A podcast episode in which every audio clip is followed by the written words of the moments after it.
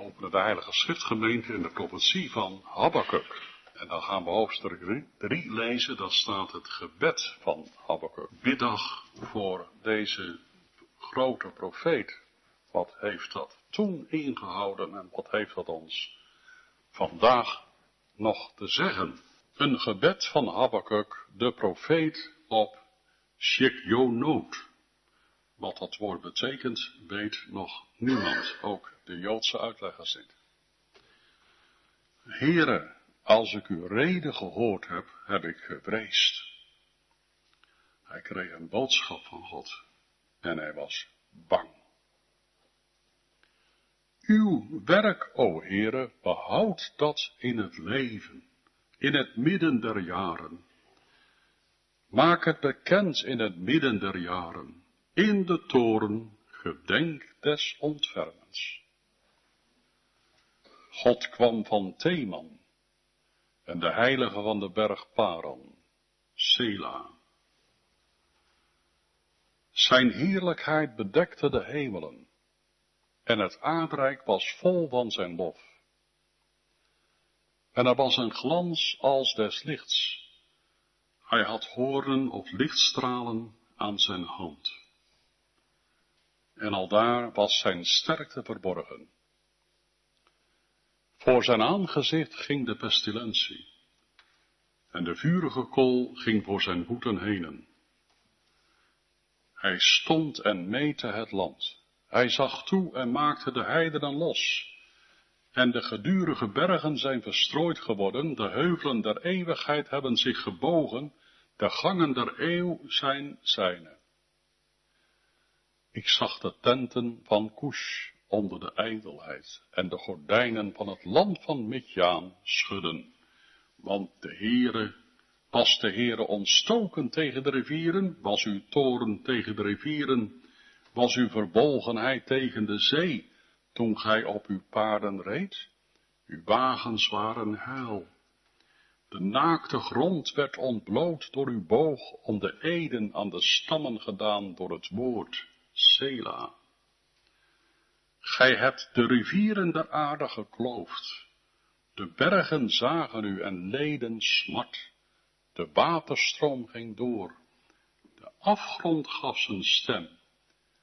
Hij hief zijn zijden op in de hoogte.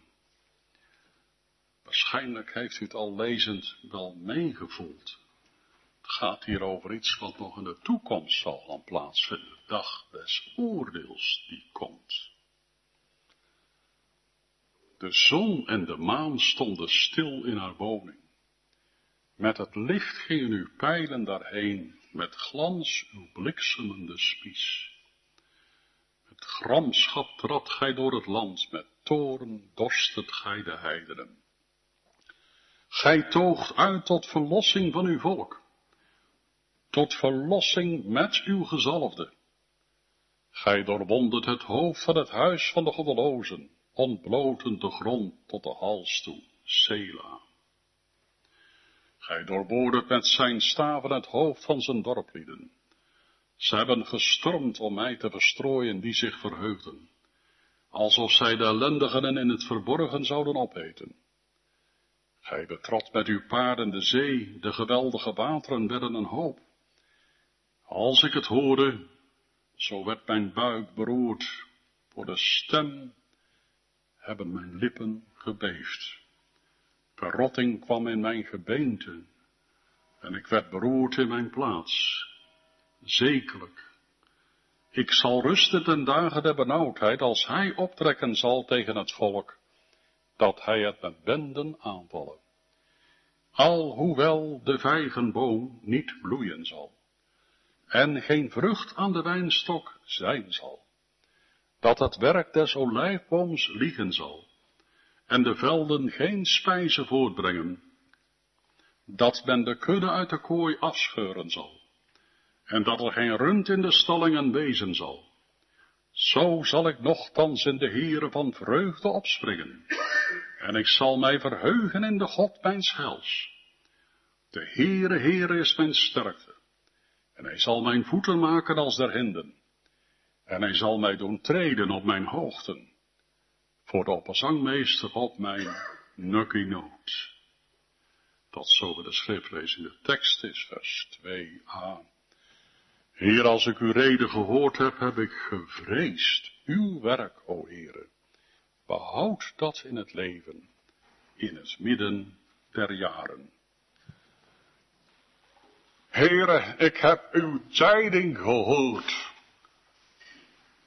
Sidderend en bevend heeft Habakkuk de boodschap van God gekregen. Sidderend en bevend heeft hij haar opgeschreven. Want de Galdeën of de Babyloniërs zouden als een overvloeiende geest het land bedekken zoals Jezaja geprofeteerd had. En ze zouden de techniek, de tactiek van de verschroeide aarde toepassen. Alles wat leefde moest uitgeroeid worden. Mensen, dieren, planten. Het oordeel van God zou razen over Israël. En Habakkuk bidt niet, heren, geef dat het oordeel niet doorgaat. Want hij weet dat het oordeel van God rechtvaardig is over zijn land.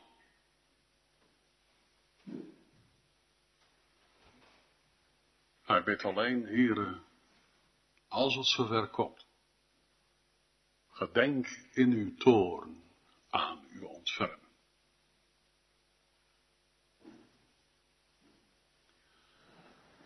Om gelijk de toepassing te maken.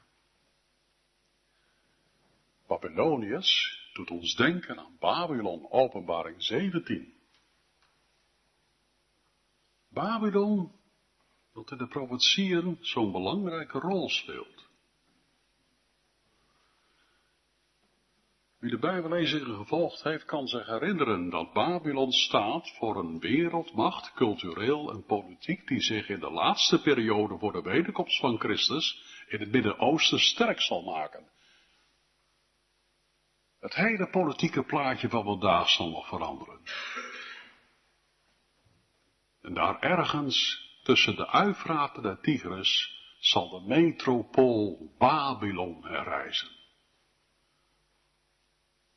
Alle godsdiensten van de wereld zullen gepasseerd worden en passé verklaard worden, want Openbaring 17, ik meen vers 8, wordt ons onthuld dat de religie van het laatste der jaren voor de wederkomst van Christus de verering zal zijn van de moedergodin of de moeder van alle hoererijen, zoals ze daar genoemd wordt. En dan zegt de Heilige Geest, het gaat hier over mysterium, verborgenheid, Babylon de moeder van de horerijen. En we zien al de tekenen der tijden, want in de westelijke wereld begint overal de oerreligie van de moedergodin weer op te leven.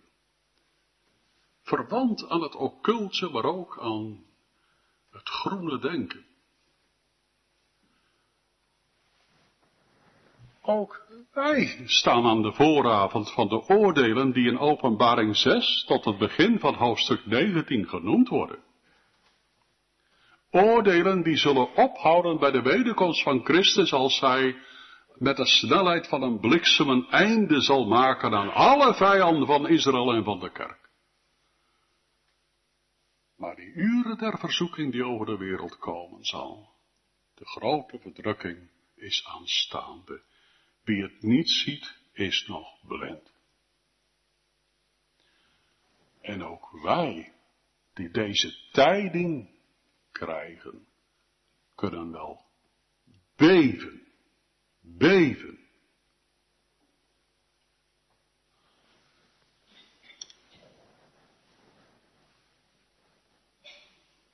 Want hoe zal het gaan met het gewas en met de veeteelt. In de dagen van Habakkuk kreeg hij te zien dat als de Galdeën, de Babyloniërs van toen, als de wereldmacht Babylon van toen zich sterk maakt, dan zal er geen vijgenboom meer bloeien, geen vrucht aan de wijnstok. Het werk van de olijfboom zal liegen en de velden zullen geen spijs voorbrengen. Dat gaat over de landbouw. En dan over de veel veeteelt, dat men de kudde uit de kooi afscheuren zal. Dat er geen rund meer in de stallingen wezen zal.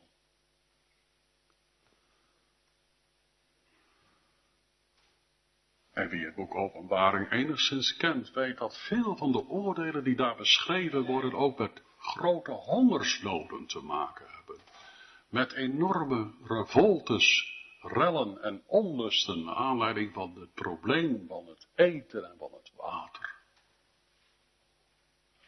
We weten dat de zee en de watergolven groot geluid zullen maken, de tsunamis. We weten dat de bergen zullen beven en de vulkanen zullen uitbarsten. We weten dat op alle mogelijke manieren gewas en arbeid minder of onmogelijk gemaakt wordt. En toch zegt Habakkuk, en ik kan niet klein krijgen, hoewel ik dat weet, zal ik in de Heere opspringen van vreugde. Ja, je leest het goed.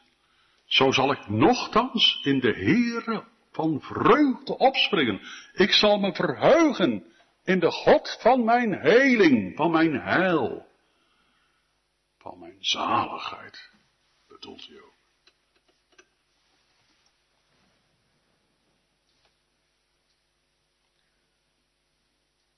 Dat is nog eens bidden. God zijn eigen woord voorhouden. En zeggen, heren, er komt een oordeel. En ik ga het niet afbidden. Hoe bang ik ook ben. Hoe vol ongerustheid van mijn kinderen en mijn kleinkinderen. Hoe zwaar het ook zal worden. Hoe onmogelijk. Heren, ik heb er nog geen flauw idee van op ik wil staan of blijven. Als u mij niet laat volharden tot het einde, zal ik niet gered worden. Ik zal het nooit zelf kunnen redden. Maar ik zal in u de Heere opspringen van vreugde, want Voorbij het oordeel komt de grote dag, waarop alles wat in de hemel en op de aarde en onder de aarde is, zal zeggen, het lam is waardig om te ontvangen de rijkdom, de eer en de aanbidding en de lof tot een alle eeuwigheid. Dat is geloof. Het is toch zo makkelijk om te geloven als alles voorspoedig gaat. Het is toch zo eenvoudig om te zeggen ik geloof als niemand je vervolgt omdat je gelooft. Het is toch zo makkelijk om te zeggen, ik doe een gebed, als er niemand is die je beloert omdat je bidt. Maar als straks tegen een rund meer in de stalling is en geen was meer op het veld, als een liegende alle kwaad van ons gaat spreken, als ook wij vervolgd gaan worden, zoals de christenen in Iran, in het verdere Midden-Oosten, waar de zogenaamde Arabische lente in een verschrikkelijke winter dreigt om te slaan. Wat gaat er dan hier gebeuren? Hoeveel komen er dan nog zondags en op de biddag en de dankdag? We kunnen als we eraan denken aan de realiteit van de komende oordelen met Habakkuk wel vrezen en beven, anders niet. Laten we daar heel eerlijk en duidelijk over zijn. We hoeven dat niet weg te redeneren en weg te poetsen met goedkope oplossingen van we moeten dan toch ook maar altijd op de Heeren vertrouwen. Bent u wel eens ernstig ziek geweest? Heeft u wel eens ingrijpende dingen meegemaakt in uw psyche? Heeft u wel eens een keer voor de dood gestaan? Dan weet u dat je niet altijd zo makkelijk kan zeggen, ik zal wel op de Heeren vertrouwen. Daar is genade voor nodig om dat te kunnen doen. Alleen genade doet ons zeggen, Heere, in de grootste smarten blijft mijn hart toch in u de Heere gerust. Alleen genade doet ons zeggen, ik zal zijn lof zelfs in de nacht zingen, omdat ik Jezus verwacht. Daar is niets van ons bij, als alleen genade van Hem. Ben je het daarmee eens? Dit is fundamenteel voor christen zijn. Christen zijn is, dat staat of valt met het woord genade. En geloven in de genade van onze Heer Jezus Christus. Als Habakkuk beeft voor de tijdingen van het oordeel, ontkent hij de realiteit niet van het oordeel. En Gods rechtvaardigheid in het oordelen. De wereld komt niet weg met haar goddeloosheid. Met de miljoenen kinderen die in de moederschoot gedood zijn. Met de honderden miljoenen die in oorlogen zijn gesneuveld. En verminkt, gemarteld en daarna gedood. De wereld komt er niet mee weg. God zal recht doen op de aarde.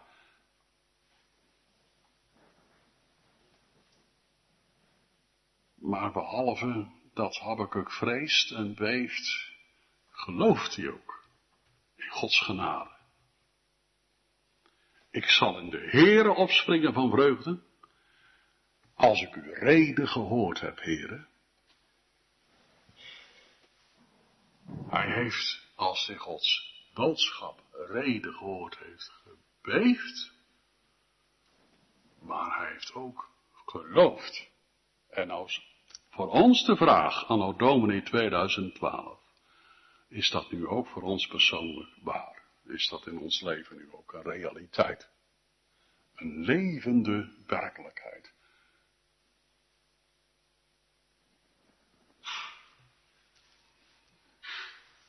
Dat bekende gesprek, hè, wat u ook wel eens voert,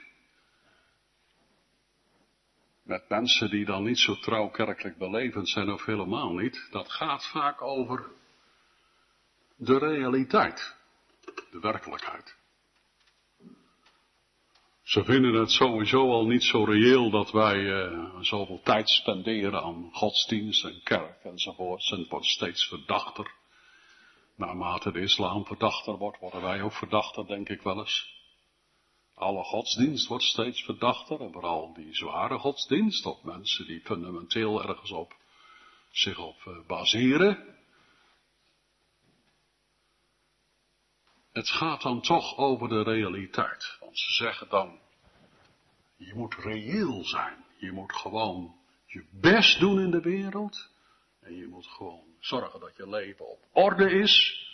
Daar moet je alles aan doen. En dan komt het goed. Komt goed. Hoe vaak heeft u dat gehoord het afgelopen jaar? Komt goed. Maar het is niet waar.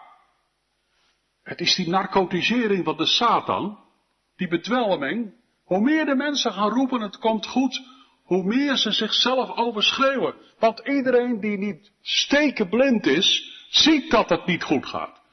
Niet alleen door de crisis wereldwijd. Niet alleen door het toenemen van oorlogen, en de rampspoed die zich ontwikkelt in het Midden-Oosten.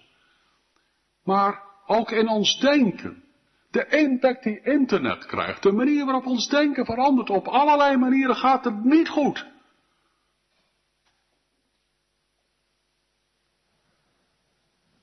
Behalve voor een volgeling van het lam. Die zegt, eind goed, al Iemand vroeg eens aan een man die op sterven lag, hoe was uw begin? Hij vroeg niet, wie zal uw einde zijn? Hoe was uw begin? Mijn begin? Ontvangen in zonde en geboren in ellende. Maar dat is niet het echte begin waar ik over wil praten, zegt hij. God is mij begonnen. God is met mij begonnen toen hij mij wederom geboren deed worden. Dat is mijn begin. Wel, zei die dominee tegen die man, als dat uw begin is, wedergeboren tot een levende hoop, zal je einde ook goed zijn. Einde goed. Al goed. Het einde zal zijn dat het lam zal geloofd worden en aanbeden worden. In dat bekende gesprek met die mensen die zeggen, we moeten ons best doen en het komt goed. Hoorde ik eens, of las ik een keer van een dominee die had het volgende antwoord gegeven. Hij zegt, en je wilt toch graag naar de hemel misschien. Of een soort paradijstoestand misschien straks bereiken. Ja, als kan wel, zegt hij. Als het even kan, dan wil ik wel graag. Als er hemel bestaat, naar de hemel toe. Maar wat moet je daar gaan doen, joh? Want in de hemel zijn er miljoenen die zullen roepen in uitzinnige beleidschap. Het lam is waardig om geëerd te worden. En jij wil in de hemel komen en wil horen dat, dat meneer X waardig is om geëerd te worden. Want hij heeft zo goed geleefd. Hij heeft zo zijn best gedaan. Dus zegt die dominee, op het moment dat jij in de hemel jezelf gaat lopen eren, dan zullen de engelen je uit de hemel werpen.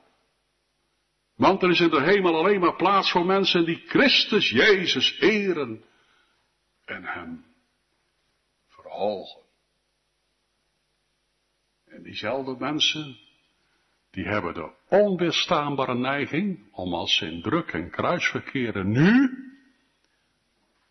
toch maar te gaan zingen, verhoog, o Heer, uw naam en kracht in mijn leven. Zo zal mijn vrolijk zingen nog door lucht en wolken dringen.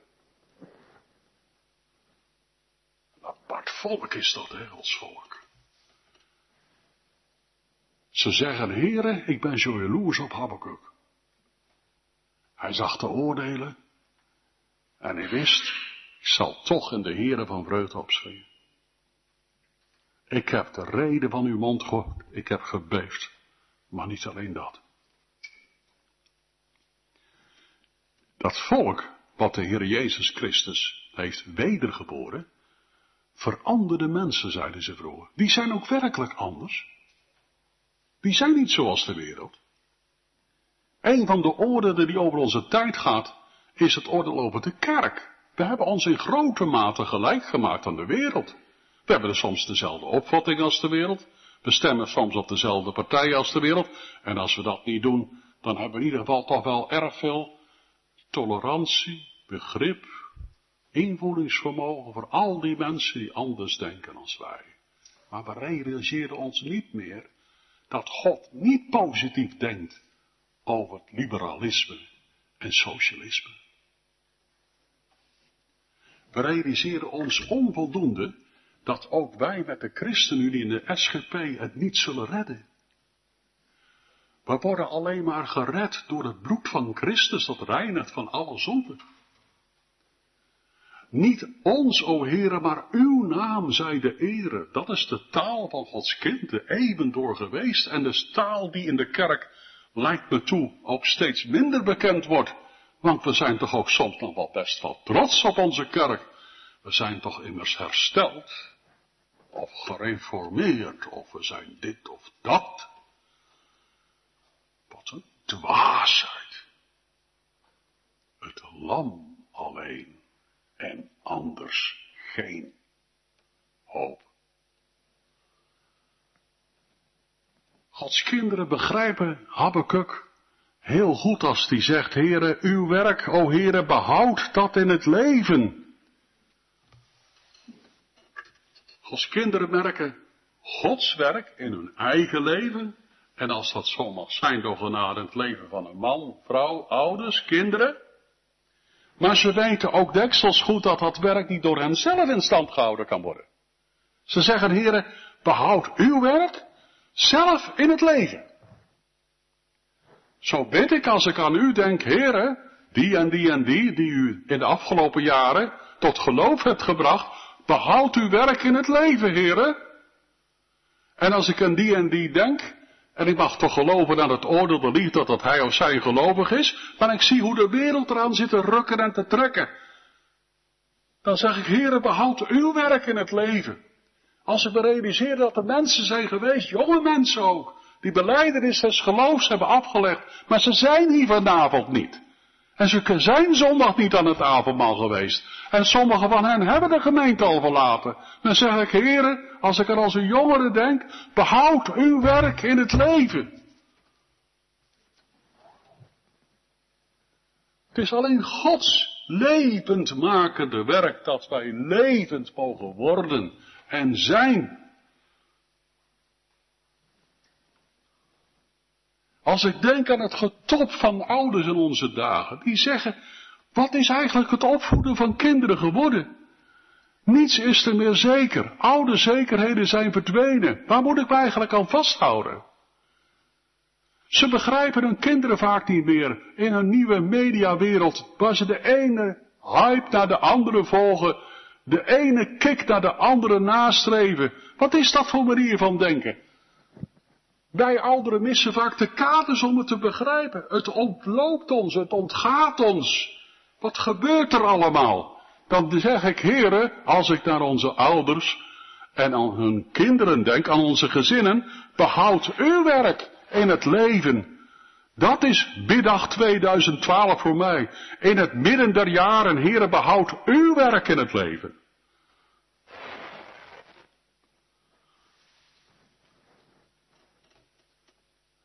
Als ik hoor hoe mensen relativerend praten over samenwonen, over het moet toch kunnen dat mensen homoseksueel praktiseren, en al die andere dingen die onze tijd zo volkomen normaal geworden zijn. Als ik hoor hoe gelovige mensen besmet worden met deze tijdgeest en ook relativerend gaan denken.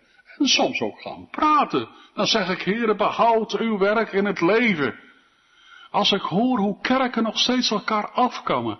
Hoe ze elkaar naar het leven staan. Want ze zeggen rustig, als je bij die kerk hoort, ben je in zonde gevallen. En als je bij die kerk hoort, daar wordt Gods levende volk levend gemaakt en het leven behouden. Maar daar kun je nooit bekeerd worden. De hoogmoed, het fanatisme, het egoïsme, de zelfingenomenheid in de kerken. Het is om er ziek van te worden. Dan zeg ik, heren, behoud uw werk in het leven. Want anders is die kerk straks afgemaaid, zoals een boer met zijn combijn het graan afmaait. We moeten ons geen illusie maken, geliefden, dat wij door ons leven en onze levensstijl en onze manier van leven straks in de dag van het oordeel, in de jaren van de toren wel in leven kunnen houden. Het is alleen Gods genade die dat zal doen. Misschien vraagt iemand waar moet ik die genade vandaan halen?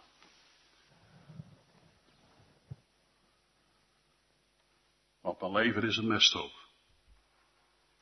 Is dat zo? Ja, dominee, we gaan er vanavond niet over praten, maar eh, er is onder de oppervlakte heel wat bij mij wat niet klopt. Er is zonde, wereldzin en vleeselijkheid en ook al. Heb je er ook zo moeite mee als je dat leest in de Bijbel? De ziel die zondigt, die zal sterven. Dan denk je, het komt nooit goed met mij.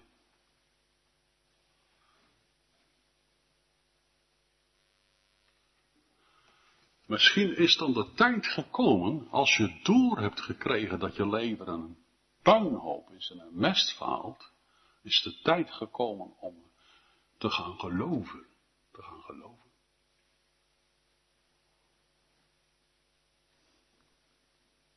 Want een van de eigenschappen van geloven is dat het zich boven de mest haalt, omhoog verheft naar God. Ik liet niet af mijn hand en oog op te heffen naar omhoog. Dat is de taal van een gelovige. Het moet ook jouw taal worden en de uwe, als u nog geen gelovige bent.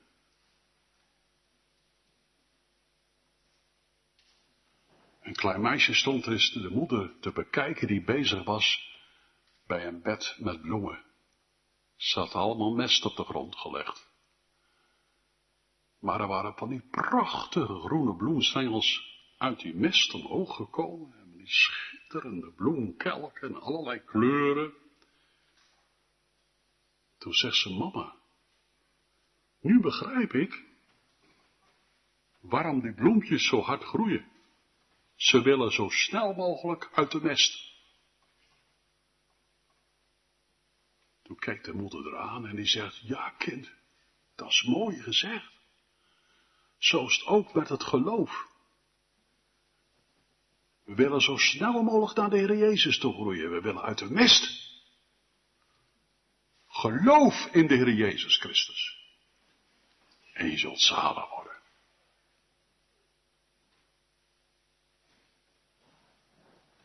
Behoud uw werk in het midden der jaren. Behoudt u het zelf in het leven? Wat betekent die uitdrukking in het midden der jaren?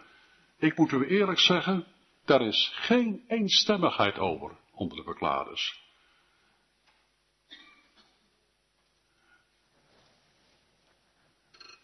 Ik volg de oudste uitleg die in de kerkgeschiedenis geschreven werd. U weet, ik heb wat met die vroege kerk, hè? met die uitleg van de eerste eeuwen. Niet dat dat altijd de beste is, maar zij zagen, als ik het modern zeg, in die uitdrukking in het midden der jaren een heel bijzondere code, een geheim. Als het ware geheim schrift. En dat kwam zo. Het boek Habakkuk werd drie eeuwen voor Christus ongeveer vertaald in het Grieks. De zogenaamde Septuaginta, dat is wel eens goed dat u dat weet, hè? want dat was de oud-testamentische Bijbel van de apostelen, de Septuaginta. Ze lazen niet deze Bijbel in de zin van de vertaling van de Hebreeuwse tekst, nee, ze lazen de vertaling van de Hebreeuwse tekst in het Grieks. En wat staat er nu in de Griekse tekst? Behoud uw werk in het leven, in het midden van de levende wezens. In het midden van de levende wezens. Niemand weet waarom de vertalers van de Septuaginta daartoe geïnspireerd werden om dat te zeggen. Er is alleen een vermoeden geweest in de vroege kerk. Ze zeiden, misschien wordt ermee bedoeld dat er Jezus te midden van twee levende wezens werd gekruisigd. Twee moordenaars, die eigenlijk beesten waren. Je kunt ze amper mensen noemen. Daarom niet twee levende mensen, maar twee levende wezens. Als dat zo is. Als dat een goede uitleg van de tekst is, en ik weet het niet zeker. Is dat wel heel opmerkelijk. Het midden der jaren, ik heb het nog eens nagezocht. Profetentaal is Jeruzalem het midden van de aarde. Profetentaal is Jeruzalem het midden van het land. Theologentaal is Jezus kwam in het midden van de geschiedenis. In het midden van de jaren hing hij aan het kruis. Tussen twee moordenaars. Die het oordeel van God dubbel en dwars verdiend hadden. En hij hing daar hunnentwege, hun tot zegen. Want Jezus was gekomen om te zoeken en te zaligen wat moordenaar is. En trouwens ook wat vermoord werd.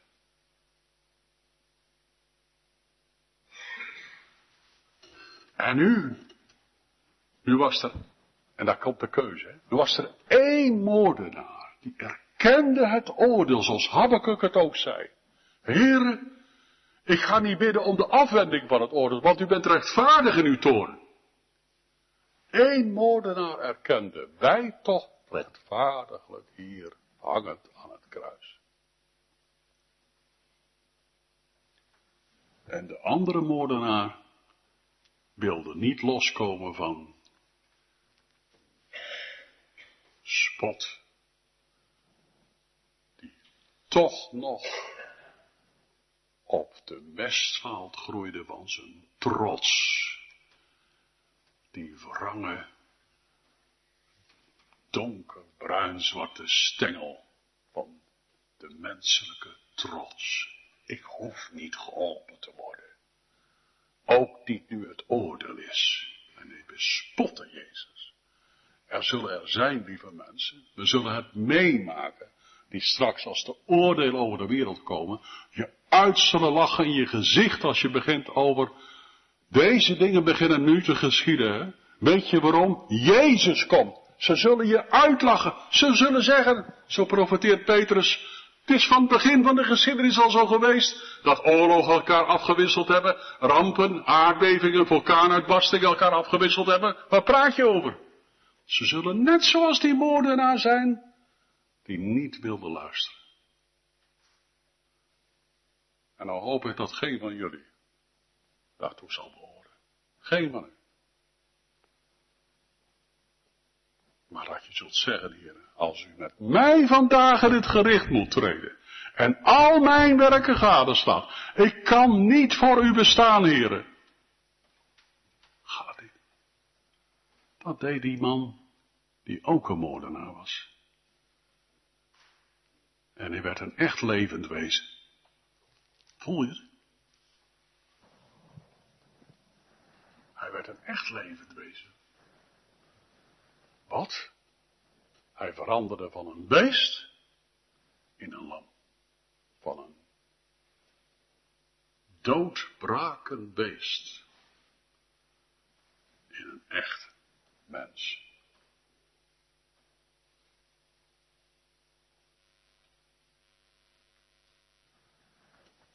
Begrijp je nu wat het woord genade betekent?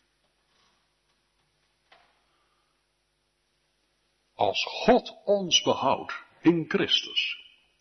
En wij zeggen, heren, met het oog op de komende oordelen, bid ik vandaag op deze biddag. Ik bid niet, heren, dat het niet door zal gaan, want deze dingen moeten gebeuren. Dat is rechtvaardig. Maar ik bid wel, denk aan, en dan komen de namen van de mensen waar je elke dag voor bidt. Want biddag is niet alleen op deze datum. Hè. Er zijn, als het goed is, jullie allemaal en u allemaal eh, elke dag bezig met biddag. En dan heb je een aantal mensen waar je voor bidt, toch? Familieleden, maar ook daaromheen. Een geopende gemeente. Predikant, kerkraad. Gedenk straks aan uw ontfermen, heren als de uren der verzoeking over de wereld komt. Dat als vuurbranden uit het vuur gerukt worden. En zo straks vanuit de verdrukking in de verrukking. Als u wederkomt tot de wolken en u tegemoet gaan in de lucht. En dan in uitzinnige blijdschap zullen zien dat het dal van het dorre doodsbeenderen, heel het volk Israël met zijn vele tientallen miljoenen, levend wordt.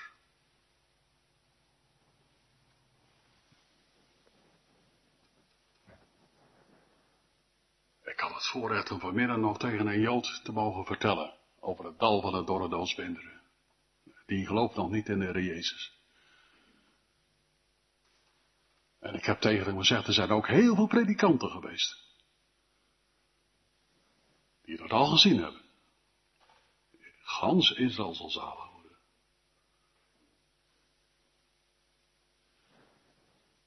En ik hoop dat in deze gemeente er heel wat ware christenen gevonden worden. Die zeggen als het gaat om Israël, heren, gedenk in uw toorn aan uw ontfermen. Want als ook straks gaat gelden wat de Jood Habakkuk gezegd heeft, dat er geen gewas meer is op het veld, het werk van de vijgenboom ligt, dat er een Israël zullen zijn die zo opspringen van vreugde in u, de Heere.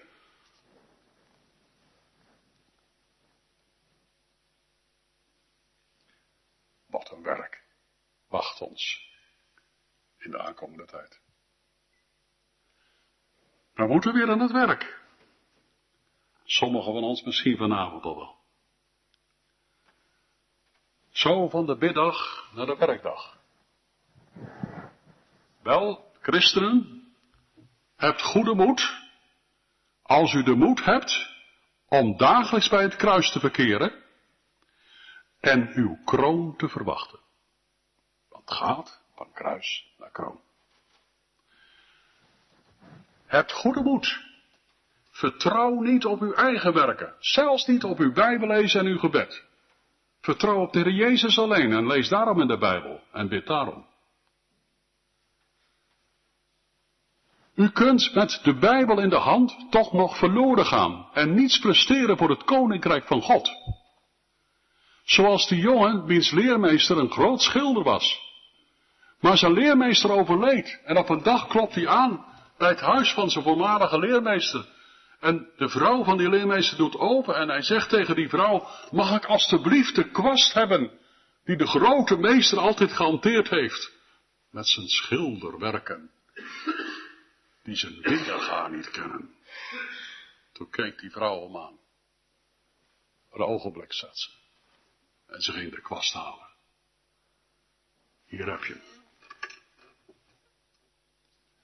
Toen ging die jongen naar huis en heeft dagen geschilderd en geschilderd en geschilderd met de kwast van zijn leermeester. Maar hij ging niet beter schilderen. Hij ging niet beter schilderen. Toen ging hij terug naar het huis van zijn leermeester en die zei tegen die mevrouw, mevrouw, het is niet gelukt. Toen keek ze hem lachend aan, toen zei ze, weet je waarom niet? Om hetzelfde kunstwerk te maken als jouw leermeester heb je niet alleen zijn kwast nodig maar ook zijn geest. Om iets te maken van ons leven hebben we niet alleen de Bijbel nodig, maar de geest van de Bijbel. De geest van Christus, de geest van de profeten, de Heilige Geest. Dat mogen vanavond, voordat je gaat starten, voordat je je ogen dicht doet, nog je laatste gebed zijn. Geef ons de Heilige Geest voor onszelf, voor de gemeente en voor uw kerk op aarde. Amen.